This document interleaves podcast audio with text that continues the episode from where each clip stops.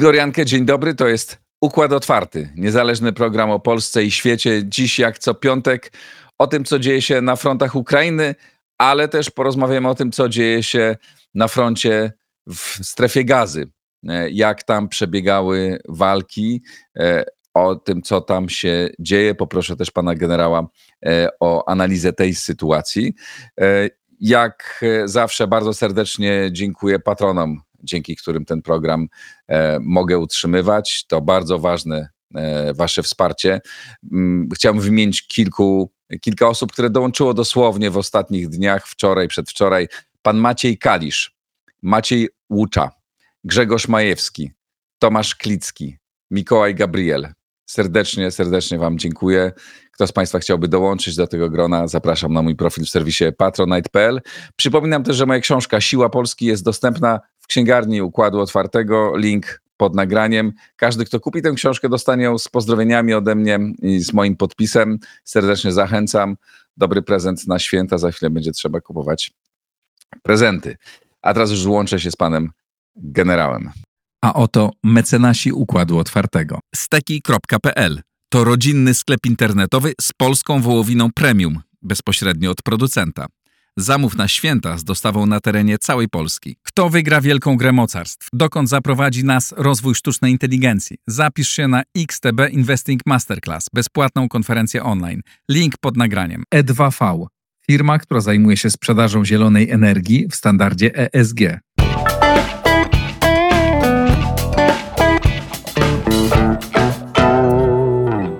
Dzień dobry, panie generale. Dzień dobry panu, dzień dobry państwu, witam. Chciałem panu powiedzieć, że ta zbiórka, zbiórka na samochód, którą, na samochody już w zasadzie, którą e, e, tutaj ogłaszaliśmy, idzie fantastycznie. I też do państwa apel. Tam już uzbierano na dwa, już trzeci samochód się zbiera. E, kontynuujcie, to naprawdę każdy samochód to uratowane ludzkie istnienia. Bardzo porządna fundacja, bardzo porządni ludzie. Gwarantuję, że one docierają na miejsce. Zresztą pokazałem Państwu filmiki, będą one dalej. Warto, warto to robić. E, panie generale, też chciałem, jeśli pan pozwoli, e, zapowiedzieć, że pan, tak jak w zeszłym roku, e, będzie jednym z wykładowców w Szkole Przywództwa Instytutu Wolności. Tam kreujemy przyszłe polskie elity i właśnie zaczęła się rekrutacja do szkoły. Link do tej szkoły jest pod nagraniem. Kto z Państwa chciałby posłuchać między innymi pana generała Waldemara Skrzypczaka i spotka się ze stu innymi słuchaczami i wieloma, wieloma wykładowcami. Na stronie Instytutu, na stronie Szkoły Przywództwa możecie Państwo zobaczyć, kto tam wykłada. E, tworzymy przyszłe polskie elity, to bardzo ważne i bardzo Panu dziękuję, Panie Generale, że Pan go, zgodzi się e, również spotykać z naszymi słuchaczami. Bardzo dziękuję. Jeżeli będę mógł wnieść jakiś skromny swój wkład swoim doświadczeniem w edukację przyszłych polskich elit, to, to będzie to dla mnie wielki zaszczyt i wyróżnienie. Natomiast to podkreślamy cały czas na spotkaniach z Panem i z Pana e, uczniami, studentami, że kluczową sprawą dlatego, żeby Polska mogła być państwem silnym, sprawnym, dobrze zarządzanym, to są elity tego państwa. Nie przywiązano do tego wagi przez wiele, wiele lat. Nam elity wy, wycięto prawie w pień w czasie II wojny światowej. Robili to i Niemcy, i Rosjanie. A zatem odbudowa tego potencjału polskich elit jest sprawą kluczową dla państwa polskiego, dla jego siły i sprawności. Dlatego też uważam, że idea Instytutu Wolności Szkoły Przywództwa jest jak najbardziej, bym powiedział, uzasadniona, twórcza, inspirująca nas do tego, żebyśmy budowali te elity dla Polski, dla państwa polskiego, żeby ono było sprawnie właśnie przez takich dobrze przygotowanych, oddanych patriotów rządzona. Bardzo dziękuję. E, zapraszam wszystkich Państwa w wieku 25-40. Takie są, e, e, taki jest limit. A wszystkie szczegóły zobaczyć Państwo na życie, wszystkie szczegóły zobaczcie Państwo na stronie, do której link jest pod nagraniem. Panie generale, to co się dzieje, co się działo w ostatnim tygodniu, w ostatnich dniach? Zacznijmy od Ukrainy. No właśnie w Ukrainie dzieje się, moim zdaniem, jeżeli chodzi o Kijów głównie, to źle, bo na froncie żołnierze sobie radzą. Natomiast jeżeli chodzi o Kijów, to źle, dzieje się źle. Moim zdaniem dzieje się najgorszy z możliwych scenariuszy, spór polityczno-wojskowy, który nigdy nie powinien mieć miejsca, a przynajmniej nie powinien mieć miejsca przy otwartej kurtynie. bo to, co się dzieje na tej scenie w Kijowie, powoduje to, że dociera to do wszystkich i przyjaciół i wrogów. Przyjaciół, w przyjaciołach osłabia to wolę wsparcia, wolę walki, a w przeciwniku rośnie nadzieja na to, że mogą tą wojnę wygrać. W związku z tym uważam, że za- zarówno prezydent, jak i głównodowodzący założni nie powinni dyskutować na temat jakiekolwiek dotyczące tego, co robią, jak prowadzą wojnę e, w, przy otwartej kurtynie, czyli przez media. Uważam, że to jest jak, to, jak najbardziej naganne i to szkodzi sprawie, sprawie Ukrainy. I to nie powinno mieć miejsca. Nie wiem, dlaczego ci panowie akurat takie miejsce znaleźli do dyskusji na tematy kluczowe dla przyszłości Ukrainy. Pojąć tego nie mogę. I y, też zastanawiam się, jako misję ma tutaj Załużny i wojskowi w tej kwestii, bo to nie pierwsze wystąpienie Załużnego mówiące o tym, że jest niezadowolony generalnie, tak to nazywam. Oczywiście mają prawo wojskowi być zadowoleni, ale przypomnę, że to oni pozwalali już w roku ubiegłym wtrącać się politykom w dowodzenie.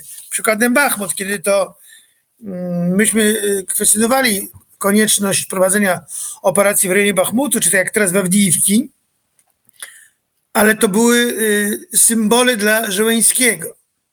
I dowódcy tej narracji Żeleńskiego, że to jest Bachmut to symbol, ulegli. Stracili tam kilka brygad, ale ulegli.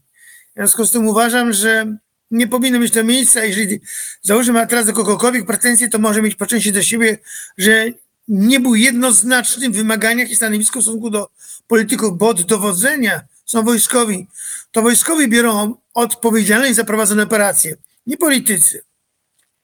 I stąd takie moje, taki mój niepokój o to, czy oni są w stanie kierować sprawnie siłami zbrojnymi w obronie Ukrainy. I, I wydaje się, że to się pewnie za kilka tygodni wyjaśni, ale ja uważam, że to nie powinno mieć miejsca, bo to jest karta, którą chętnie biorą do ręki Rosjanie. Zapewne, aczkolwiek chyba Tomasz nie jest aż tak źle. E, Niemniej porozmawiajmy o tym, co się dzieje, co się dzieje na samych, e, na samych froncie. Pokażę mapkę, którą pan e, generał przygotował. E, Proszę powiedzieć, co tam, co na niej widzimy i gdzie, gdzie działy, gdzie toczyły się najważniejsze, naj, najtrudniejsze, najbardziej istotne e, walki w ostatnich dniach. ta refleksja na, początkowo, panie redaktorze, wynikała z tego, że ona się przekłada na to, co się dzieje na froncie, y, jeżeli chodzi o atmosferę i morale. Jako dowódca wojskowy to podkreślam, bo morale jest dla wojska, które walczy na froncie kluczowe. Dla tego ducha bojowego. Na froncie, generalnie na froncie y, sytuacja nie uległa radykalnym zmianom w stosunku do ubiegłego tygodnia. Rosjanie podciągają nowe siły w, w rejon frontu, czyli to, co moim zdaniem jest zapowiadane, przygotują się do wielkoskalowej ofensywy zimą, czyli niebawem mogą ruszyć. Mam nadzieję, że Amerykanie e, uprzedzą e, Ukraińców, kiedy to może być, na jakich kierunkach, bo dzięki rozpoznaniu amerykańskiemu Ukraińcy mają w czasie rzeczywistym informacje o podchodzących zgrupowaniach armii rosyjskiej, a głównie o formowaniu tych zgrupowań uderzeniowych, bo żeby zgrupowanie mogło przeprowadzić natarcie, czyli atak, ono musi przyjąć ugrupowanie um, zaczepne. W związku z tym tego się nie da ukryć, bo trzeba gromadzić odpowiednio dużo wojska do tego, żeby to zgrupowanie, um, zgrupowanie przygotować do uderzenia. Zatem wydaje się, że pojawiają się nowe siły na froncie. Rosjanie w odwodzie już mają część sił 6 armii.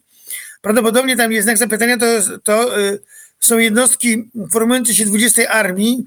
20 armia zastąpiła, zluzowała pierwszą armię pancerną gwardii, która jest w odwodzie, odtwarza zdolność bojową.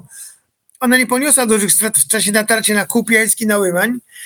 I ta, ta armia w tej chwili przynajmniej dwoma swoimi dywizjami odtwarza zdolność bojową, czyli przygotowuje się do walki, ładuje amunicję, czyści broń, wojsko wypoczywa, podszkala się, przygotowują się na kierunku południowym, znaczy na kierunku Awdijiwki, tam szturmuje prawdopodobnie 50, część 58 Armii, z być może jeszcze częścią 8 Armii.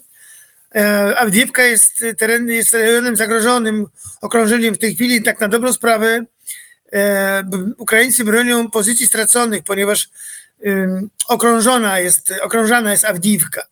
Jeżeli się uda Rosjanom okrążyć Abdiwkę, to te wojska, które będą w tym kotle abdiwskim, a liczone w kilka tysięcy, one będą utracone, więc wydaje się, że jest ostatnia szansa, żeby te wojska spod tego mm, uderzenia rosyjskiego wyprowadzić. A to jest decyzja dowódców ukraińskich. Generalnie na mm, północno-wschodnim i wschodnim kierunku y, nowe siły armii rosyjskiej szturmują na kierunku Kupiańska, w rejonie Bachmutu, tam w zasadzie w rejonie Bachmutu i Ukraińcy kontratakują i Rosjanie y, atakują. Tam z, y, przechodzi, przechodzą pozycje z rąk do rąk, przesuwają się pozycje o 200-300 metrów, zatem tam nic znaczącego się nie dzieje, poza tym, że straty nieprawdo- nieprawdopodobnie szybko rosną po obu stronach w tych warunkach atmosferycznych. Wojsko jest zmęczone tą pogodą. Awdiwka, to powiedziałem, na kierunku y, południowym, gdzie walczy Tawrija, grup- zgrupowanie operacyjne Tawrija, y, Ukraińcy próbują cały czas atakować pozycje armii y, rosyjskiej na kierunku Melitpola. Być może liczą na to, że Rosjanie zmuszeni przesunięciem części sił na kierunek Awdijewki, gdzie chcą dokonać tego okrążenia i rozbić armię ukraińską w tym rejonie, część sił mogli wyprowadzić z tych pozycji obronnych na kierunek Awdijewki, ale i część wyprowadzić na kierunek Dniepru, gdzie e, Ukraińcy uchwycili dwa przyczółki na głębokość e, do półtora kilometra, takie batalionowe e, przyczółki mm, na Dnieprze. A zatem Wydaje się, że w tej chwili Ukraińcy bronią swoich pozycji, próbują jeszcze na Zaporożu poprawić swoje położenie w kierunku na Melitpol, e, ale widać wyraźnie, że przygotowują się raczej już do operacji obronnej i e, zgrupowanie Kortycja, które broni się na rzece Oskił w rejonie Charkowa, aż do Sowedaru, czyli do brzegu rzeki, do brzegu rzeki Siewierski Doniec, e, to zgrupowanie operacyjne przygotowuje obronę na kilku pozycjach, czyli pogłębia tą obronę w obawy przed tym e, uderzeniem, które mają Rosjanie wyprowadzić. Zatem ta obrona musi, być dobrze przygotowana. Podobnie część zgrupowania Tawrija na północy w rejonie Słowiańska i Krematorska również przygotowuje pozycje obronne w obawy przed uderzeniem, które mogą Rosjanie wyprowadzić po likwidacji wojsk ukraińskich, ukraińskich w rejonie Awdijiwki. Na kierunku południowym nie ma znaczących zmian i moim zdaniem e, ta ofensywa, która nazywana jest ofensywą przez Dniepr, nie jest ofensywą, bo te siły, które tam się przeprawiają, są stosunkowo nieznaczne i to raczej ma być operacja, która ma odciągnąć uwagę Rosjan od kierunku zasadniczego, jakim jest kierunek na Donbas. E, Bo e, wynika to między innymi z tego faktu, że e, Ukraińcy nie koordynują tego uderzenia przez Dniepr z innymi uderzeniami. Czyli nie ma połączonych uderzeń na wojska w rejonie Zaporoża, z e, Helsońszczyzny, gdzie, jak mówiłem, w tydzień temu pojawia się nowa 18 armia w składzie dwóch korpusów armijnych, które stanowią duży potencjał sobą. Zatem e, wdawanie się w takie jakieś uci- uciążliwe walki z tymi nowymi siłami rosyjskimi pochłoną na pewno duży kapitał e, armii ukraińskiej, na co Ukraińcy sobie w tej chwili przed zimą pozwolić nie mogą. E, Pospiesznie odtwarzają odwody, e, prowadzą, prowadzili, no i prowadzą nadal tą rekrutację, którą, znaczy to jest chyba raczej pobór do wojska, ponieważ zaczyna Ukraińcom brakować, krytycznie brakować żołnierzy. A żeby mogli stanowić e, swoimi siłami dobrą obronę, muszą mieć uzupełnione jednostki wojskowe, które poniosły duże straty, szczególnie w, w rejonie Łymania, w rejonie Kupiańska, w rejonie Sowedaru, Bachmutu, Awdijiwki, no i oczywiście na Zaporożu, gdzie, gdzie ta ofensywa armii ukraińskiej została e, załamana. Rosjanie e, wykonują uderzenia głębokie e, rakietami, samolotami na infrastrukturę krytyczną cały czas, atakują miasta i urządzenia infrastruktury krytycznej. Jednocześnie nadal mając przewagę w powietrzu, potrafią dziennie w rejonie Awdijiwki czy Bachmutu wykonywać 20-30 uderzeń lotnictwem wsparcia wojsk lądowych. I Ukraińcy podkreślają to, że to jest najbardziej dokuczliwy środek walki, sposób walki, jaki prowadzą e, Rosjanie przeciwko wojskom ukraińskim borującym się na pozycjach obronnych w tych e, wspomnianych przeze mnie rejonach. A zatem brak przewagi e, w powietrzu, czy może jakiejś równowagi powoduje to, że Ukraińcy są w bardzo niekorzystnej sytuacji. A jeżeli my mówimy o tym, że F-16 trafią na front w roku przyszłym, to jest to bardzo niedobra cały czas wiadomość dla armii ukraińskiej. E, Rosjanie e, prawdopodobnie, moim, znaczy moim zdaniem, w ciągu dwóch tygodni osiągną zdolność do tego, żeby tą operację rozpocząć, jeżeli kierownictwo rosyjskie uzna, że jest to czas, to oni tę operację rozpoczną, żeby ubiec z kolei przygotowanie wiosenne armii ukraińskiej do tego, żeby e, mieć zdolności do ofensyw, chociażby poprzez to, że dostaną więcej środków walki, jeżeli chodzi o e, mm, obronę powietrzną, o lotnictwo i wojska naziemne, lądowe. Czyli generalnie, żeby ubiec Ukraińców przed, w czasie, przed odzyskaniem przez nich zdolności, które pozwolą im zatrzymać natarcie armii rosyjskiej. Jeszcze dopytam o, ten, o tą ofensywę na Dnieprze. Czy w stosunku do ubiegłego tygodnia tam nastąpił jakiś postęp? Znaczy rozszerzono przyczółki, nie- nie- pogłębiono, rozszerzono, że jest to pas szerokości na jednym jest około 2,5 km przyczółku, na drugim jest około 3. Ale nadal są to siły, nieznaczne i mm, e, na tym kierunku nie mają e, Ukraińcy odwodów operacyjnych, które byłyby zdolne do przeprowadzenia ofensywy. Twierdzę, że są to działania wiążące, ale tam e, Rosjanie mają na tym kierunku 22 Korpus Armijny. W związku z tym uważam, że nie jest to zagrożenie dla zamiarów Rosjan w tej chwili w skali operacyjnej. Taktycznie podejrzewam, że tak, ale oni mając taki potencjał w tym rejonie, czekają na zdecydowane działania Ukraińców, bo prawdopodobnie nie znają zamiarów Ukraińców, a Ukraińcy jeszcze uchwycując te przyczółki, nie mając odwodów operacyjnych, nie odkryli swoich zamiarów co do działania w tym kierunku, więc moim zdaniem Rosjanie wyczekują. A y, mówił pan o Awdijiwce, no tam toczą się bardzo, bardzo ciężkie walki. Sugerował pan, że być może Ukraińcy powinni się wycofać stamtąd. A czy tam nastąpiło jakieś przesunięcie frontu? W jedną albo w drugą Tam jest stronę? cały czas przesunięcie na północny, ym, ym, na północny zachód i południowy zachód od Awdijiwki. Wojska rosyjskie okrążają e, Awdijiwkę, a głównie masakrują Awdijiwkę i wojska w okopach e, artylerią. Oni tam swoimi e, systemami Grad i Uragan, Smiercz dewastują okopy, de- dewastują pozycje obronne Ukraińców nieprawdopodobną mocą, bo to jest takie te hajmarsy e, rosyjskie. I em, tam dochodzi z tych informacji, które mam stamtąd, to 20-30 uderzeń dziennie salwami biją w pozycję armii ukraińskiej. Przed, tą, przed tymi rakietami się nie broni człowiek w schronie, w okopie. To jest bardzo precyzyjne uderzenia, podobne precyzyjnie, tak precyzyjne jak uderzenia Heimarsami. Zatem e, to jest e, moim zdaniem narażanie tych żołnierzy na nieprawdopodobne straty. Zresztą tam już niektóre punkty oporu, takie plutonowe, kompanijne, były przez Rosjan nakrążane i likwidowane. A zatem e, Rosjanie postawili sobie za punkt honoru likwidować wojska ukraińskie w Awdijiwce.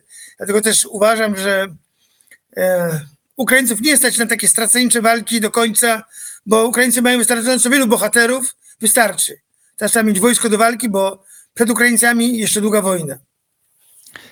E, jeszcze mamy tu drugą mapę, którą pan przygotował. Proszę To jest opowiedzieć. ta ofensywa zimowa, tak. To jest, to to jest rozumiem, kierunki- projekcja tego, co może być. Tak, to jest projekcja tego, co może być. Ja cały czas podkreślam, że e, pokazuję tutaj, na, na, jeżeli chodzi o zgrupowanie uderzeniowe armii rosyjskiej, że oni mają na tym kierunku północno-wschodnim trzy armie, wprawdzie niekompletne armie jeszcze, ale już mają na tyle te armie gotowe, że mogą takie uderzenie wykonać. I na kierunku południowym również, prawdopodobnie dwie armie, 58, 8. I ich celem, tak jak mówiłem, jest Donbas, ale ja e, nawet jestem skłonny sądzić, czy przypuszczać, czy prognozować, że oni mogą mieć nawet dalsze zamiary poza Donbas, że mogą chcieć dojść nawet- do Dniepru. Dlaczego? Dlatego, że jeżeli oni widzą wyraźnie, że każda klęska, każda porażka wywołuje w Kijowie poważne perturbacje na poziomie politycznym i wojskowym, to oni w tym widzą swoją wielką szansę na prowadzenie szeroko zakrojonych ofensyw. I dlatego też e, bardzo mocno podkreślam konieczność mm, jakiejś, jakiegoś kompromisu między politykami a dowódcami ukraińskimi, żeby to, co oni robią, nie było wiedzą y, Rosjan, ponieważ Rosjanie, ich apetyt rośnie. Apetyt Rosjan rośnie, a y, to, co się dzieje w Kijowie, uderza w morale wojska. Rosjanie bardzo liczą na to, że to rozchwieje ducha bojowego armii ukraińskiej, choć y, Ukraińcy mają doskonałych żołnierzy. Dlatego też y, uważam, nawet na, na podstawie Awdijiwki, że powinni tych żołnierzy oszczędzać, bardzo oszczędzać. Natomiast te dwie strzały, które wychodzą na Donbas, które się łączą, to jest zachód Donbasu, to jest słowiański Kramatorsk, to jest pierwszy cel Donbas i być może jeszcze uderzenie główne, które może wyjść na kierunek na Dnipro, na, na Połtawę, zadaniem dojścia do Dniepru, do Dniepru, czyli odrywanie co najmniej prawie 40% Ukrainy Ukrainie. W tej chwili mówimy, że Ukraina oddała, znaczy Ukraina, e, terenów okupowanych Ukrainy jest około 18%, to zamiary Rosjan będą rosły, a apetyt Rosjan podsycają te spory w Kijowie niestety. Jasne. Panie generale, y, omówiliśmy też, że, y, że porozmawiamy chwilę o tym, co dzieje się e, w Izraelu, a właściwie nie w Izraelu, tylko e, w strefie gazy. E, W chwili, kiedy nagrywamy e, tę rozmowę, rozmawiamy w piątek e, rano o ósmej, tam od dwóch godzin e, jest zawieszenie, jest zawieszenie broni i ma nastąpić przekazanie, mm, e, e, przekazanie jeńców, zakładników.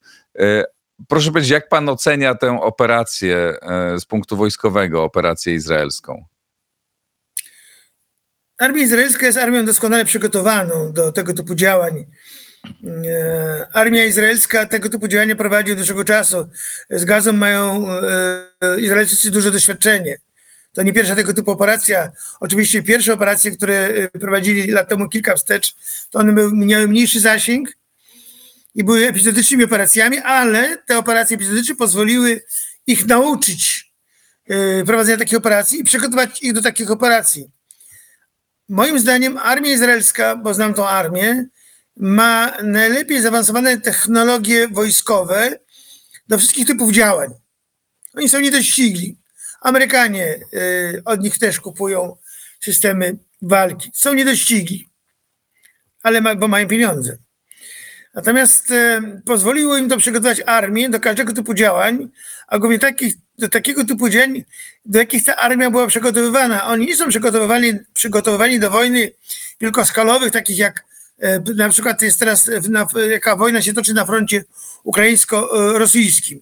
Oni są przygotowani do wojny z Hamasem, do wojny mm, z Hezbollahem, ponieważ mają świadomość tego, że ani Syria nie ma potencjału do tego, żeby napadać na, na e, Izrael, ani Jordania i Egipt, które nie chcą napadać na Izrael. E, W związku z tym oni są przygotowani do operacji antyterrorystycznych, które prowadzą w tej chwili w Gazie. Po wydarzeniach na pustyni Negev celem a działania armii i to cel polity- i ten cel wytyczyli politycy zniszczyć Hamas. Wytrzebić, wyrwać z korzeniami Hamas. I to jest cel działania armii izraelskiej i moim zdaniem oni to osiągną, bo oni już osiągnęli. Widać po filmach z tamtego regionu, z tego rejonu, y, te budynki wypalone, które tam są, stojące, niezburzone, ale wypalone, świadczy to o tym, że były prowadzone walki uliczne z dużą intensywnością. To są takie obrazki, które e, świadczą o tym, że walki uliczne, że były prowadzone z dużą intensywnością i że brońcy, że hamazowscy terroryści bronili się w tych budynkach. To zamykam temat militarny. Sprawa zawieszenia broni, kluczowa. Kluczowa dla ludności cywilnej. Ufam, że obie strony chcą, żeby ludność cywilna wyszła ze strefy działań. E, Izraelczycy na pewno chcą, natomiast nie wiem, czy chcą tego Hamazowcy. Bo do tej pory dla Hamazowców ludność cywilna była tarczą.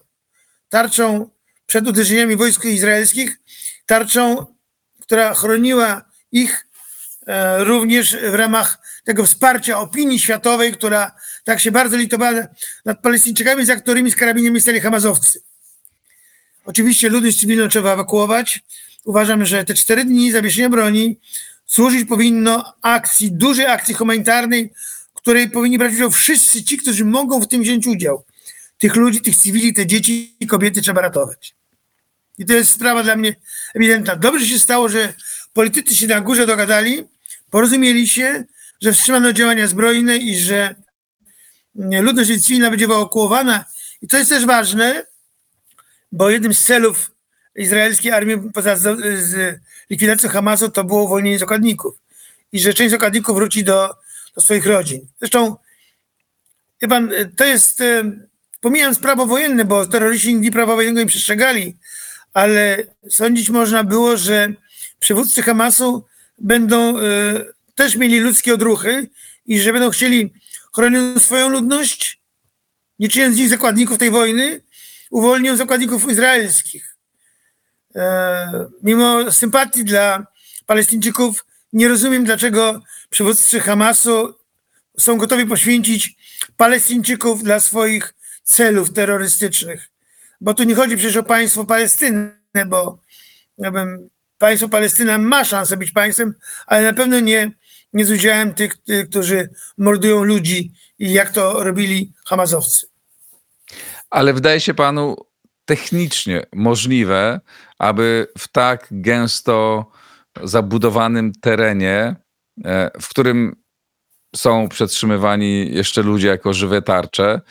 Ja nie bardzo wierzę w to, że Hamas wyprowadzi e, cywilów do końca, e, żeby dało się przy tak jeszcze nieprawdopodobnie rozbudowanym systemie tych podziemnych korytarzy, kanałów, żeby dało się osiągnąć militarny pełen sukces? Znaczy, wie pan, y, moim zdaniem tak, ale powiem teraz dlaczego. Dlatego, że Izraelczycy dają cztery dni Hamazowcom, żeby y, ludność cywilna mogła wyjść z miasta.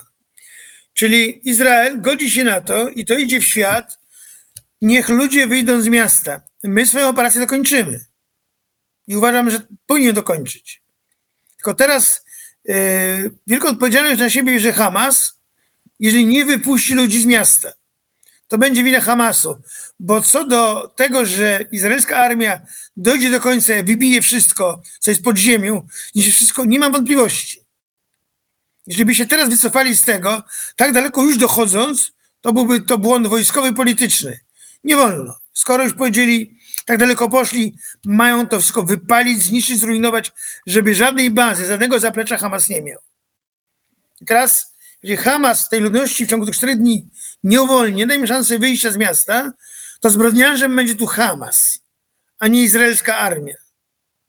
Nie broni izraelskiej armii, bo armia izraelska nie zawsze było, miała czyste ręce i przestrzegała prawa wojennego. To prawda. Przecież o tym wiemy A wszyscy. w tej, a na ile, a jak pan ocenia właśnie tą precyzję działań e, e, podczas tego ataku? Znaczy ilu, czy dało się uniknąć tych ofiar e, w ludności, wśród ludności cywilnej? Nie dało się, nie dało się, bo ta ludność była w mieście i, i tej ludności dużo zginęło w gruzach domów, które zostały zawalone w wyniku działań bojowych. Co do precyzji uderzeń armii izraelskiej nie mam wątpliwości, ponieważ oni mają bardzo precyzyjne, różne rodzaje broni. Mają wymyślne rodzaje broni. Technologie mają nieprawdopodobne, czasami zaskakujące, niewyobrażalnie zaskakujące. Natomiast y, nie pan, yy, najgorsze to jest to, że w tych rejonach, gdzie prowadzone były walki dużą intensywnością, była ludność cywilna. Yy, Hamazowcy są na tyle perfidni w stosunku do swoich obywateli, że są gotowi yy, ich poświęcić, budując na przykład pod szpitalami yy, schrony czy, czy stanowiska dowodzenia swoje, magazyny broni gromadzić. No to o czym to świadczy?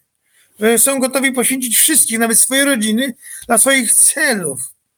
Przy czym trzeba zauważyć jedną rzecz, że dowódcy oddziału walczą na froncie przeciwko Izraelowi, ale przywódcy Hamasu siedzą w Katarze, opływają w dostatek, w luksusy. To są ci sprawcy. To jest taki, bym powiedział, styl życia arabski. Oni tak właśnie funkcjonują, że dowodzą gdzieś tam skądś, żyjąc, opływając w luksusy, mając dużo pieniędzy i, i, i żyjąc na najwyższym daleko poziomie, a nie patrzą na cierpienie swoich ludzi, Palestyńczyków, tych biednych Palestyńczyków, których widziałem w tych enklawach i którzy w tych obozach uchodźców. Jest to porażające. Oni nie mają przyszłości, panie redaktorze. Najbardziej co nas boli, to to, co jest doświadczeniem ludzi cywili. Ja to widziałem w Iraku, widziałem tam w Afganistanie niewinnych cywili zabijanych często przez swoich braci lub, y, lub sprawcami tych wydarzeń, gdzie giną cywile, dzieci, kobiety, to byli ich współplemieńcy. To się w naszej mentalności polskiej, europejskiej w ogóle nie mieści, a dla nich życie człowieka nie ma żadnej wartości. Takich oni mają, pan wybaczy, przywódców, religijnych też, bo to widziałem też. I w Iraku było to moim bardzo smutnym, wstrząsającym doświadczeniem, kiedy widziałem, e, żeby nie mówić tego, co naprawdę widziałem, bo to jest przerażające, ale widziałem e, no, ofiary wśród kobiet i dzieci. Masowe nawet. Mhm. Szczegółów daruję. Jasne. E, czyli podsumowując, e, pan się spodziewa, że Izrael skutecznie, wojska izraelska skutecznie dokończą tej akcji i wyczyszczą gazę z Hamasowców. Tak jest. Uważam, że to jest e, czas na to, trzeba z tym zrobić do końca porządek, żeby to już więcej nie wróciło, żeby tej hydrze się łeb nie odrodził. Ale uważa pan, że to jest realistyczne, że to mogą to zrobić? Uważam, że determinacja rządu izraelskiego, Netanyahu, e, armii jest duża i takie jest oczekiwanie też i narodu izraelskiego, żeby w końcu skończyć tym, e, tym, tym sąsiadem, który cały czas siał śmierć i zniszczenie w Izraelu. Chociaż podkreślam, Palestyńczykom się państwo należy. To jest Jasne. naród, który powinien mieć swoje państwo. Ale jeszcze doprecyzuję. Rozumiem, że pan uważa, że technicznie armia izraelska jest w stanie doprowadzić do całkowitego wyczyszczenia gazy. Dokładnie tak. Na pewno i uważam, że to jest ich cel operacji całkowicie zniszczyć wszystko to, co nosi znamiona Hamasu, nie wybić wszystkie oddziały, te, które tam się bronią, e, zdobyć gazę, zlikwidować wszystko, wysadzić wszystko, zdemolować wszystko, to, co może Hamasowi w przyszłości służyć. Bardzo dziękuję. Dziękuję bardzo. E, To wszystko na dzisiaj. E, Dziękuję panu generałowi, dziękuję państwu. E, w- Polecam państwu w e, niedzielę e, w Układzie Otwartym będzie debata na temat centralnego e, portu komunikacyjnego. E, Debata między przedstawicielem, e, między zwolennikiem a przeciwnikiem tego projektu. Bardzo ciekawa, jest już nagrana, czeka na państwa. W niedzielę o 13 będzie premiera. E, Na dziś to wszystko. Jak zawsze namawiam, subskrybujcie, kliknijcie w e, guzik subskrybuj, wspierajcie na Patronite, a najważniejsze oglądajcie i słuchajcie. Dziękuję bardzo, do zobaczenia, do usłyszenia.